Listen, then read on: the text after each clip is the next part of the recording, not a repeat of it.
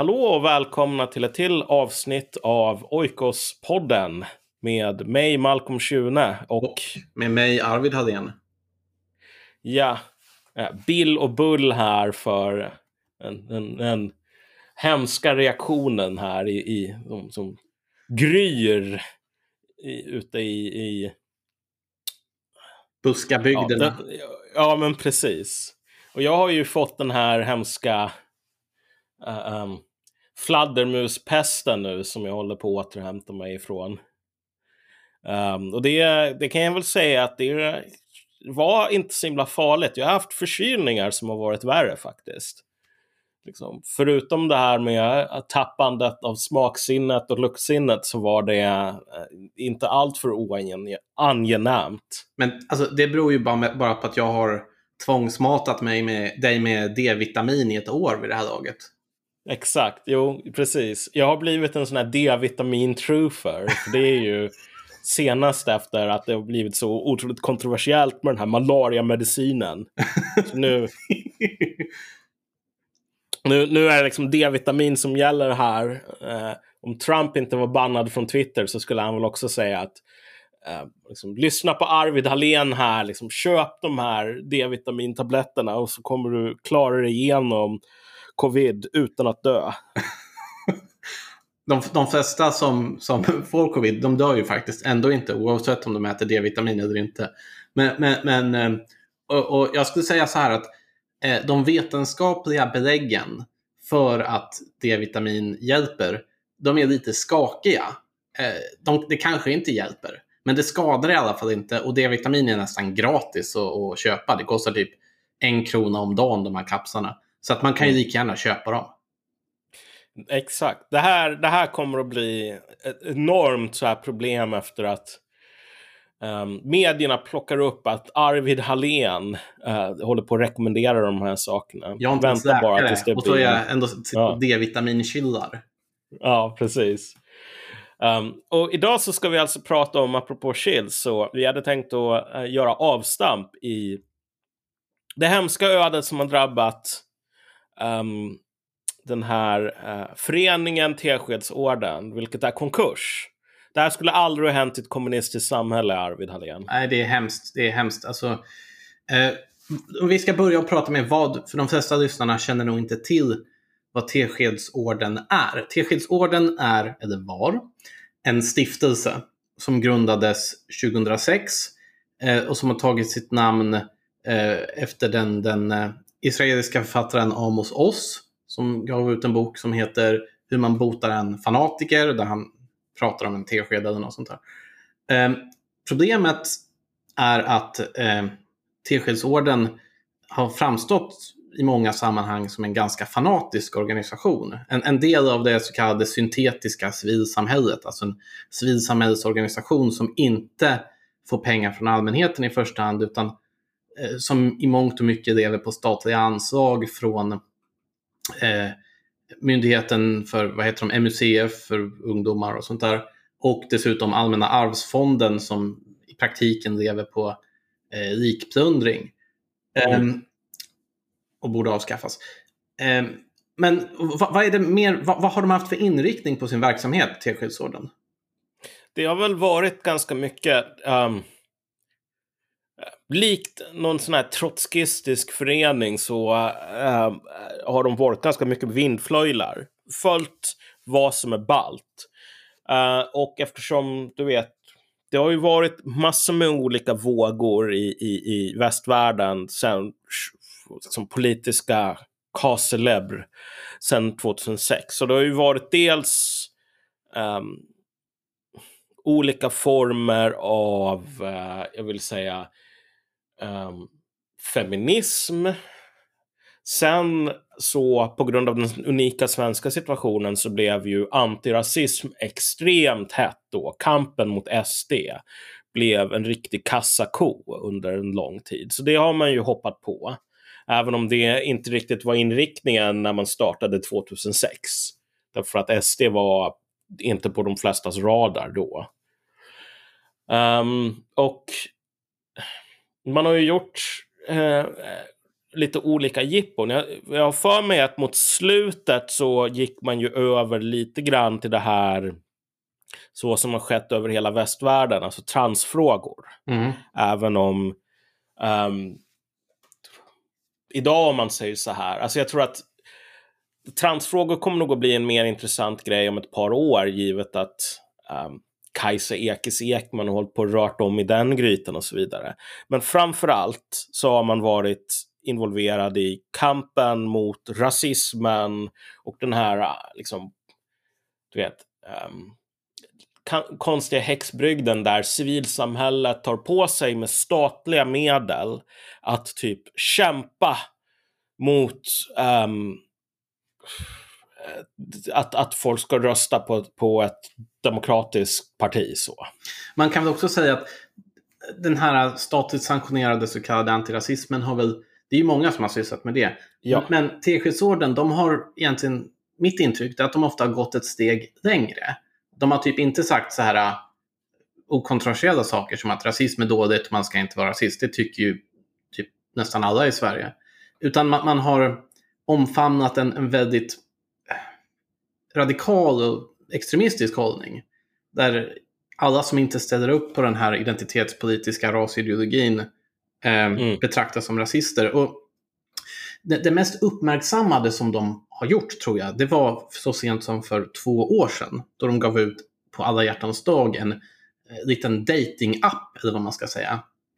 Det var som ett frågeformulär som man skulle fråga sin partner eller potentiell partner att, typ så här att om, om eh, vad ska man tycka om att eh, eh vår eh, den här miljöpartistiska ministern som har rasta inte rastaflätor utan sånt här äh, annat. Redlocks. Redlocks, just det, tack. Eh, vad ska man tycka om det? Och mm. de, de, normala svaren som folk skulle tycka är väl ungefär att eh, jag eh, bryr mig inte. Eller mm. bör verkligen en, en med, en, ett statsråd ha en sån, en sån konstig frisyr?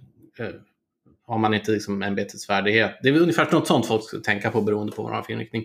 Men här var det istället vinkeln att det var fruktansvärt att hon hade det för att det här var ett uttryck för ett brott mot Teskedsordens rasideologiska uppfattningar. Att, ja. att vita människor får inte ha dreadlocks för att då är man typ kulturell rasappropriering och sånt där. Um, så att alla de här frågorna var att om du inte svarade eh, en, det, det, det rasideologiska vänsterextrema svaret så var du en rasist. Det var liksom själva poängen Exakt. med det här. Och det här skapade ju väldigt mycket uppmärksamhet och folk blev arga, vilket jag skulle ana var väl lite tanken. Ja, och det har ju skrivits en del om, om um, den här stora organisationens tragiska fall. Liksom. Um, och då har det ju varit uh, olika um, anonyma källor med insyn inuti som har sagt saker i stil med att det här konkursen var relativt väntad. Um, GP har skrivit en del om det här. Och det är inte bara anonyma källor utan också folk som gått ja. ut med namn och sagt det här. Ja, att konkursen var relativt väntad därför att det, det, här var en organisation som var dysfunktionell på många sätt på det här sättet som verkar vara ganska vanligt i ideologiskt drivna civilsamhällesinstitutioner om vi säger så, vilket har att göra med typ mobbning, um, obefintligt eller liksom skadligt ledarskap, olika faktioner, falanger som håller på att slåss om resurser. Um, och sen och, den andra saken som, bara, som är värd att nämna. Några exempel ja. på det. Vi har ju haft flera sådana senaste åren uppmärksammade saker att till exempel, det är inte en civilsamhällesorganisation, men Jämställdhetsmyndigheten som är också en sån ideologiproducerande myndighet där det var 70 procent av de anställda hade sjukskrivit sig eller funderade på att sjukskriva ja. sig på grund av mobbning. Vi har sett det på eh, ROX som är en paraplyorganisation för kvinnojourer i Sverige. Jag tror också att det var sådana här interna problem på, på eh, den vänsterradikala stiftelsen Expo. Eh, mm. som, där hade de interna personalproblem med folk som betedde sig i, i någon slags auktoritetsposition som betedde sig illa mot kvinnor. Eller, jag minns inte detaljerna, men det var problem i alla fall. Ja, alltså jag vet, att, jag vet att den svenska arbetsmiljöverket där har ju en extremt patriarkal antifeministisk syn på det här och menar att typ en, en, en, organisation där typ alla är kvinnor, att det här skulle utgöra i sig någon sorts arbets, potentiellt arbetsmiljöproblem. Det här tror jag inte, jag är... ja, det här tror jag inte att de har sagt, det här tror jag att du har hittat på här och nu. Jaså? Du, det, det, har jag inte alls. Men jag är agnostisk när det gäller sådana saker. Och, och jag tror att det finns en, en, en, en vanlig teori som är att okej, okay, men det här är ett resultat av bara rent du vet, om du har massor med konstiga vänster, extrema positioner, då får du de här problematiken som ett brev på posten. Um, och så kan det nog vara. Samtidigt så finns det ju det finns ett intressant mönster här, vilket är att ju mer du har sådana här organisationer som är helt beroende av liksom det, det som du kallar det syntetiska äh, civilsamhället, liksom, beroende av um, att kunna hitta olika nya födkrokar. Desto sämre verkar de här organisationerna funka och desto, mer, uh, desto större blir risken att du får de här um, kollapserna. Um, och anledningen till att jag tycker att det här är de här organisationerna är intressanta ur ett större perspektiv än att bara hålla på och klaga på konstiga vänsteridéer är ju att man, må, man må, bör ställa sig frågan, okej, okay, men varför sysslar folk med det här som en sorts födkrok? Um, och för den som har ett lite mer internationellt perspektiv så går det ju eh, så eh, är den politiska utvecklingen i USA här ganska intressant. Därför att Sverige har haft sådana här um, Teskedsorden, Roks, liknande organisationer som har varit vana vid under en lång tid att staten går in och bistår med bistånd. Um, att, att om du sysslar med att producera en tidning så som, som Folket i bild, liknande. Um, eller typ Arbetaren eller vad det nu kan vara. Alltså det, det, det är helt accepterat att de här, de här tidningarna, olika civilsamhällesorganisationer och så vidare, att de kan inte existera om inte staten faktiskt ta, citat, tar sitt ansvar, slutcitat. Mm. Och att, att det här är en något som har kommit att förväntats från, från alla involverade. Att det staten tar på sig att föra över resurser till olika former av behjärtansvärda projekt. Det här är en ganska um, utbredd vad ska jag säga, subkultur, eller vad ska man säga, att det svenska civilsamhället. Jag, jag läste för några år sedan en, en, en debattartikel om om någonting. Det var väl antagligen någonting om att den nya migrationspolitiken var hemsk eller något i den stilen. Det brukar handla om sånt. Då det var företrädare från olika civilsamhällsorganisationer eh, som eh, signerade det här tillsammans. Var, eh, Svenska kyrkan dessutom. Och jag tänkte så här, är det, är det här uttryck för någon slags folkliga strömningar? Är det här, eller är det här ett, ett, ett, ett eh, så jag bestämde mig för att undersöka de här organisationerna. Jag bara läste deras mm. Eh, årsredovisningar. På, eh, som förstås ligger på webben. Och då kunde man ju se hur stor andel av deras eh, eh, budgetar som var statliga anslag.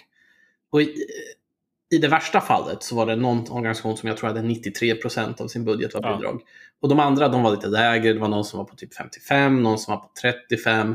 Och sen hade man ju Svenska kyrkan som har egen eh, beskattningsrätt. Mm.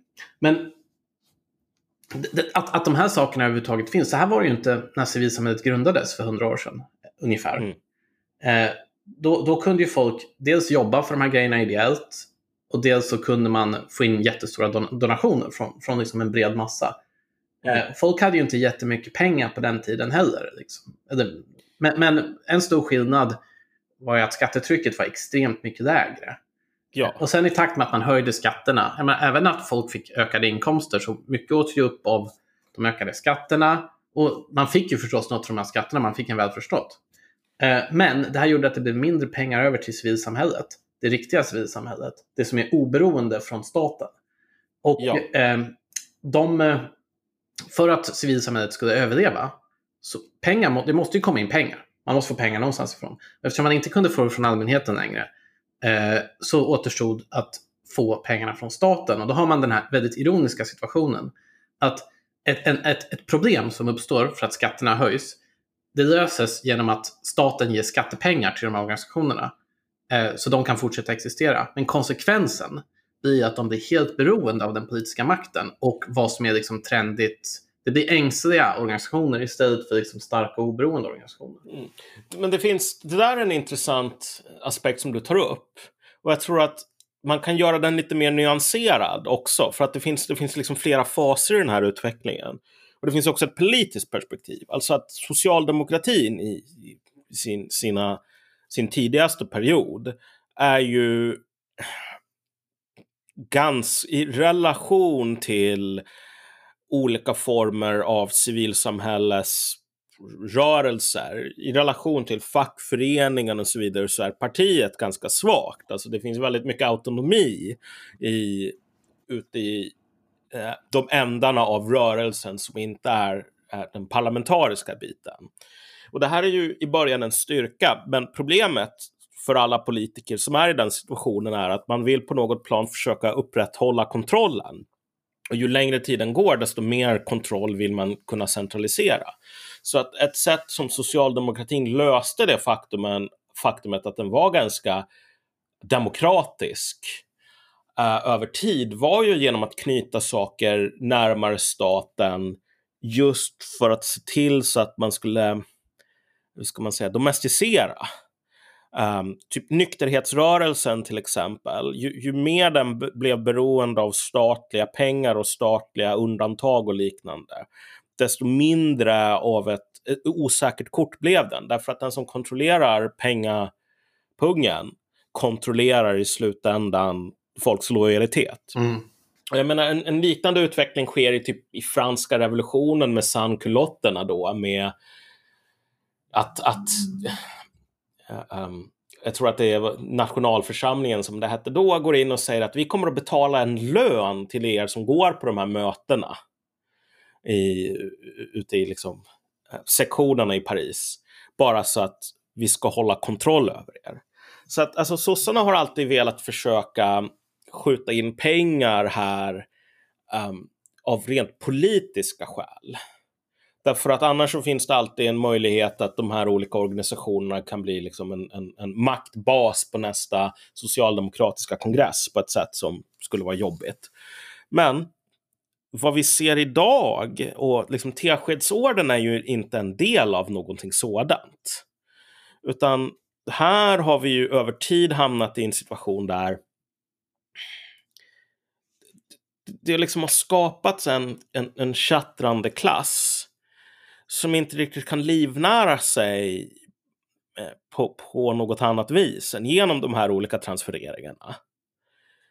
Um, och så att om, om i början så um, är sossarna intresserade av helt enkelt att hålla koll på de här nykterhetsfantasterna och eh, eh, fackföreningarna och, och eh, liksom studiecirkelförbunden och liknande så att de inte gör revolt mot eh, partiets politik så blir det här mycket mer av en nästan en, en arbetsmarknadspolitisk åtgärd upprätthålla de här institutionerna och de här transfereringarna. Därför att vad annat ska folk syssla med egentligen? Det blir ett sätt att skaffa inkomster för folk som är medlemmar i eller på ett eller annat sätt är knutna till den så kallade rörelsen. Ja, men, men över tid så slutar det här att handla om rörelsen. I, om vi med det menar liksom den breda socialdemokratiska sfären. Och blir mycket mer av en, en, en, en, en samhällsklass i och för sig självt. Och det här, den poängen tror jag blir tydligare om man faktiskt gör en, en, en internationell jämförelse. Därför att uh, ett land som USA, där har det verkligen inte funnits den här traditionen, traditionen överhuvudtaget av ett civilsamhälle som bärs upp genom statlig intervention.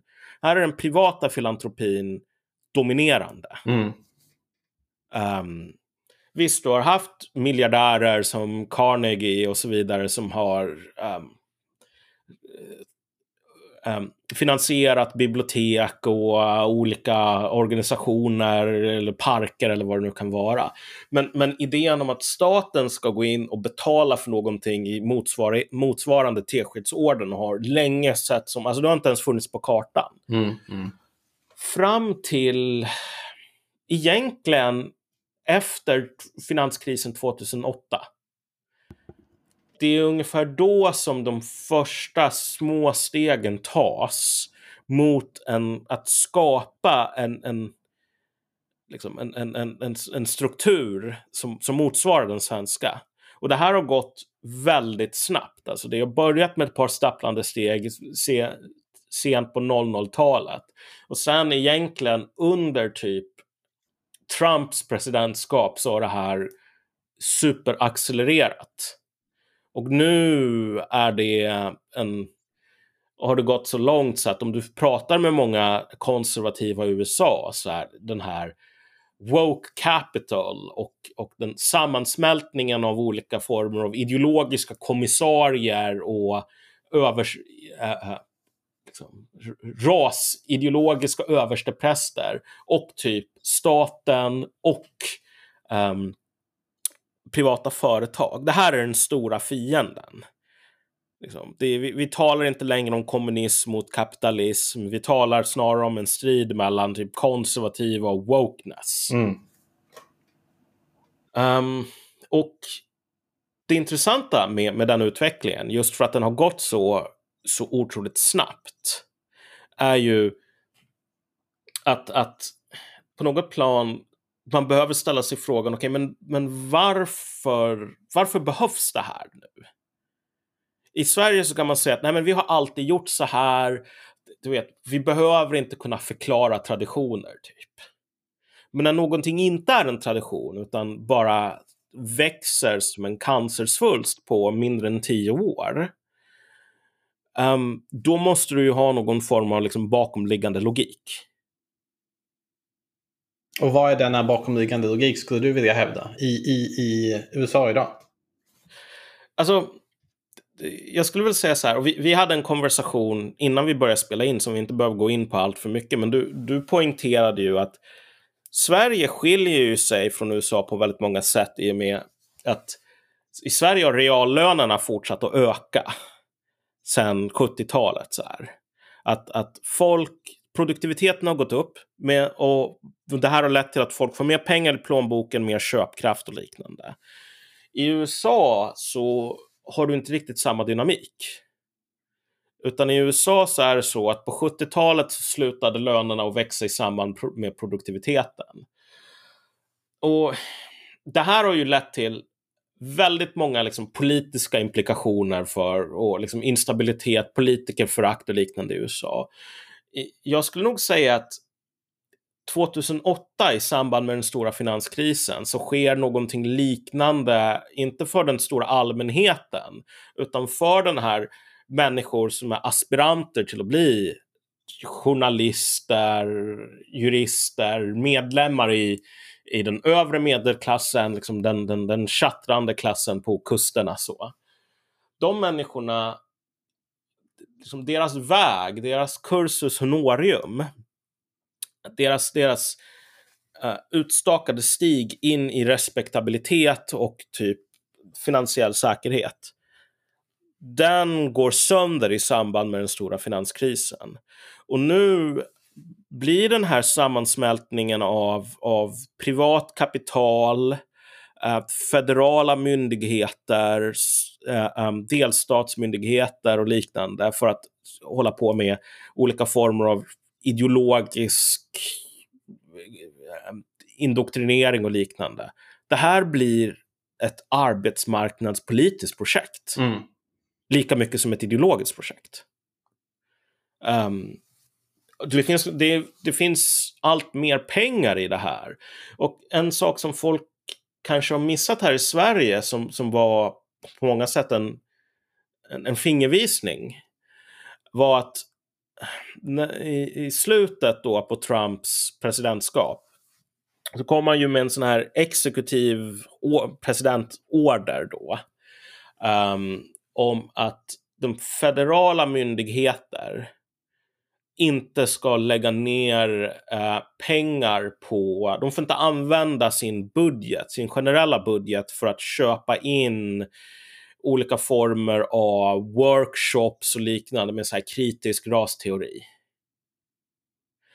Um, de var de första sakerna som Biden gjorde, eller hans administration gjorde då, uh, var att komma med en ny exekutiv order om att nej, vet du vad, ni får lägga ner hur mycket pengar ni vill på det här. Och därmed säkrar man då försörjningen för just folk som har gjort det till sin karriär att hålla på med de här sakerna. Um, ja. En, en, om man ska säga en positiv grej nu då. Det är att, att eh, i slutet av Trumps presidentskap och också nu eh, när, när eh, eh, corona eh, farsoten börjar lägga sig lite grann på grund av extensiv vaccination. Det vi såg redan under Trump och det vi ser nu, det är alltså starkt ökande reallöner i USA. Alltså mm. det, det, är de, det är typ de starkaste löneökningarna ja, men sen 60-talet. På ett halvt århundrade. Um, och, och det, det, skulle ju kunna vara en motverkande kraft. Om det blir en mycket bättre arbetsmarknad och vanligt folk kan försörja mm. bättre, då behöver de kanske inte hålla på på det här sättet lika mycket. Samtidigt så är det två olika slags arbetsmarknader. Det här är liksom en smalare ja. akademiker för folk med hög utbildning och sådär. Men, men det är ändå positivt att vi ser det här. Jag, jag tycker så här att eh, det påminner mig lite grann. Alltså dels har man en, en underliggande jättes, liksom jättestark konjunktur och det liksom beror inte på Biden och det beror inte på Trump och det beror, eh, det beror kanske inte heller på Obama, även om det började under honom, utan det beror på att Federal Reserve bedriver så bra penningpolitik. Det är att vi har haft liksom en linjär jättestark, eller okej, okay, en linjär men någorlunda stark återhämtning ända sedan 2008, sedan det dippade ner. Det har bara fortsatt och fortsatt och fortsatt. Det blir mer och mer jobb och till slut så blir arbetsmarknaden så tight att om eh, arbetsgivarna vill kunna få tag på folk. Arbetsgivare älskar ju att klaga på att det är ont om kompetens. Det gör de alltid. Men när det blir ont om kompetens, då måste man börja bjuda över varandra. Det är då lönerna går upp, det är då inflationen tar fart, det är då folk får pengar i plånboken. Liksom. Mm. Eh, och, och det finns två historiska skeenden som påminner, alltså då har man dels den här underliggande återhämtningen, men sen har vi nu en, den här coronachocken. Ja. Och det är väldigt intressant, för vad som har hänt då, eh, det är två saker som har hänt ekonomiskt. Eh, och det, det, har bara pratats i, i de svenska medierna om den ena. Det vill säga att folk har blivit av med jobbet. Typ när folk går inte på restaurang, folk flyger inte på semester, så folk i turistnäringen blir av med jobbet och så här. Och det är väldigt mm. mycket så här, eh, folk hänger läpp och det är så här sorgligt. Och det är klart att det, det är hemskt när folk blir av med jobbet. Men den här lite emotionella rapporteringen har missat den, den stora punkten här, eller en, en, annan stor punkt, och det är att de flesta personer som har jobb har inte blivit av med jobbet. Men mm. de har inte kunnat konsumera. Så att mm. just nu i Sverige, i USA, i hela västvärlden har vi ett rekordhögt sparande. Och när ekonomin börjar ta fart igen, vilket den börjat göra nu, då kommer folk börja konsumera utav bara attan. Eh, och det är det som, som, och då blir det brister. Eh, det blir brist på saker, priserna går upp, vi får inflation, hjulen snurrar snabbt. Eh, det här påminner om när, när ekonomin normaliserades efter första världskrigets avspärrning. Då vi fick en, en mm. eh, eller snarare, ja, då, då fick vi en deflationskris, så det påminner så mycket om det. Men det påminner om, om efter andra världskriget. Då har du haft undertryckt eh, eh, efterfrågan i många år. Folk har fått betalt och inte kunnat spendera för det är massa ransonering. Eh, Gunnar Myrdal tror jag det var, han skrev en bok 1942 eller 43, något sånt här. Där han varnade för att den stora depressionen skulle komma tillbaka så fort andra världskriget var slut. För att då skulle liksom mobiliseringen av ekonomin upphöra och sådär. Men istället så allt det här undertryckta sparandet skapar en jättestor högkonjunktur. Eh, mm. och, och eh, jag tror att jag tror att vi kan se något sånt.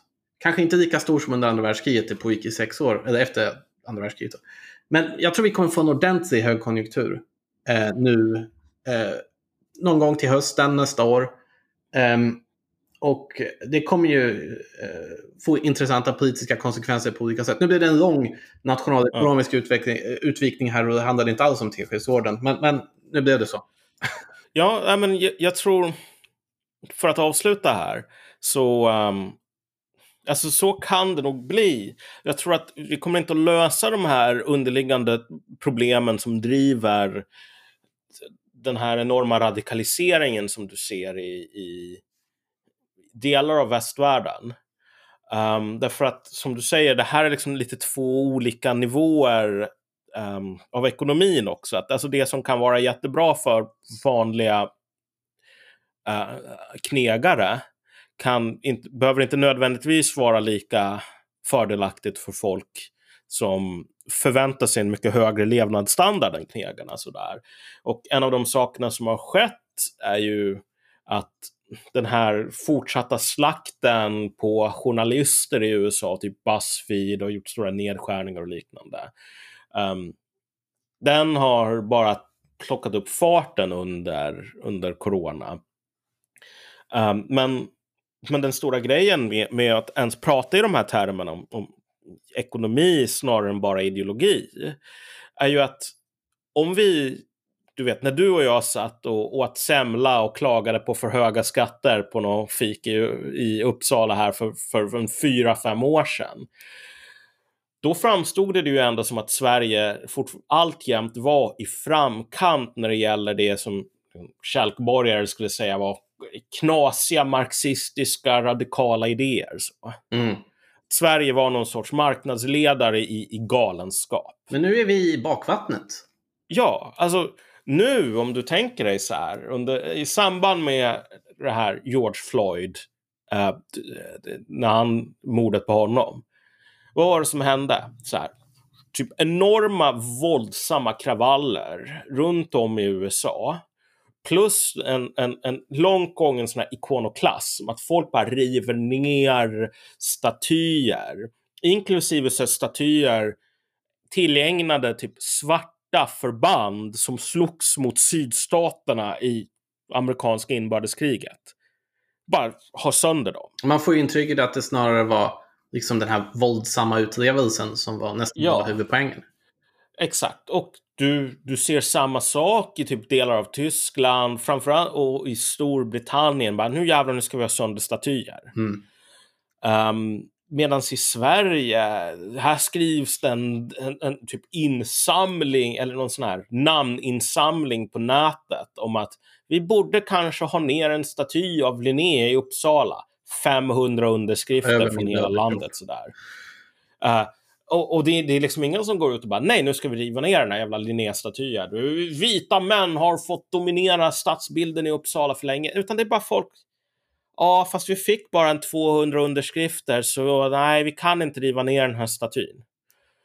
Um, och i min värld så det här, det, det, är inte så att idéerna är annorlunda, för idéerna är, är det är liksom samma importerade skit vart man än vänder sig. Mm. Men, men det som driver på folk, verkar ju uppenbarligen, det verkar vara en stor skillnad i liksom hur passionerade folk är kring de här ideologierna. Och Sverige idag är fort, alltjämt ett land där staten tar en väldigt aktiv roll för att subventionera um, typ folk som um, har gått på Södertörns högskola och nu måste hitta någon sorts jobb. Det vore ju okay. sannerligen ett ödets ironi om högern skulle dra in alla de här subsidierna till ja. det syntetiska civilsamhället. Och konsekvensen blir att plötsligt så börjar vänstern slåss för någonting de faktiskt tror på på riktigt, nämligen sina egna inkomster. Ja, exakt. Alltså det här är det som är det, det intressanta med, med um, situationen i Sverige. Att Sverige är lite grann som Storbritannien under de här revolutionerna 1848 typ. Att det här sprider sig genom hela Europa Uh, blir massor med knas och sen så ingenting händer i Storbritannien för där har man redan liksom mött mutat befolkningen med rättigheter, lite så här, mötts någonstans halvvägs. Det var alltså, ju oerhört leninistisk kommentar, där får jag säga. Ja. ja, nej, men, nej men, men Sverige har gjort det där. Sverige har ändå på något plan, och trots att um, Teskedsorden nu har gått i konken. Um, det kommer inte att, och de här kassa, de här pengakranarna kommer inte att stängas ner i första taget. Det, det talas lite grann om att göra det på, på högerkanten. Men folk är ganska långt ifrån att göra slag i saken.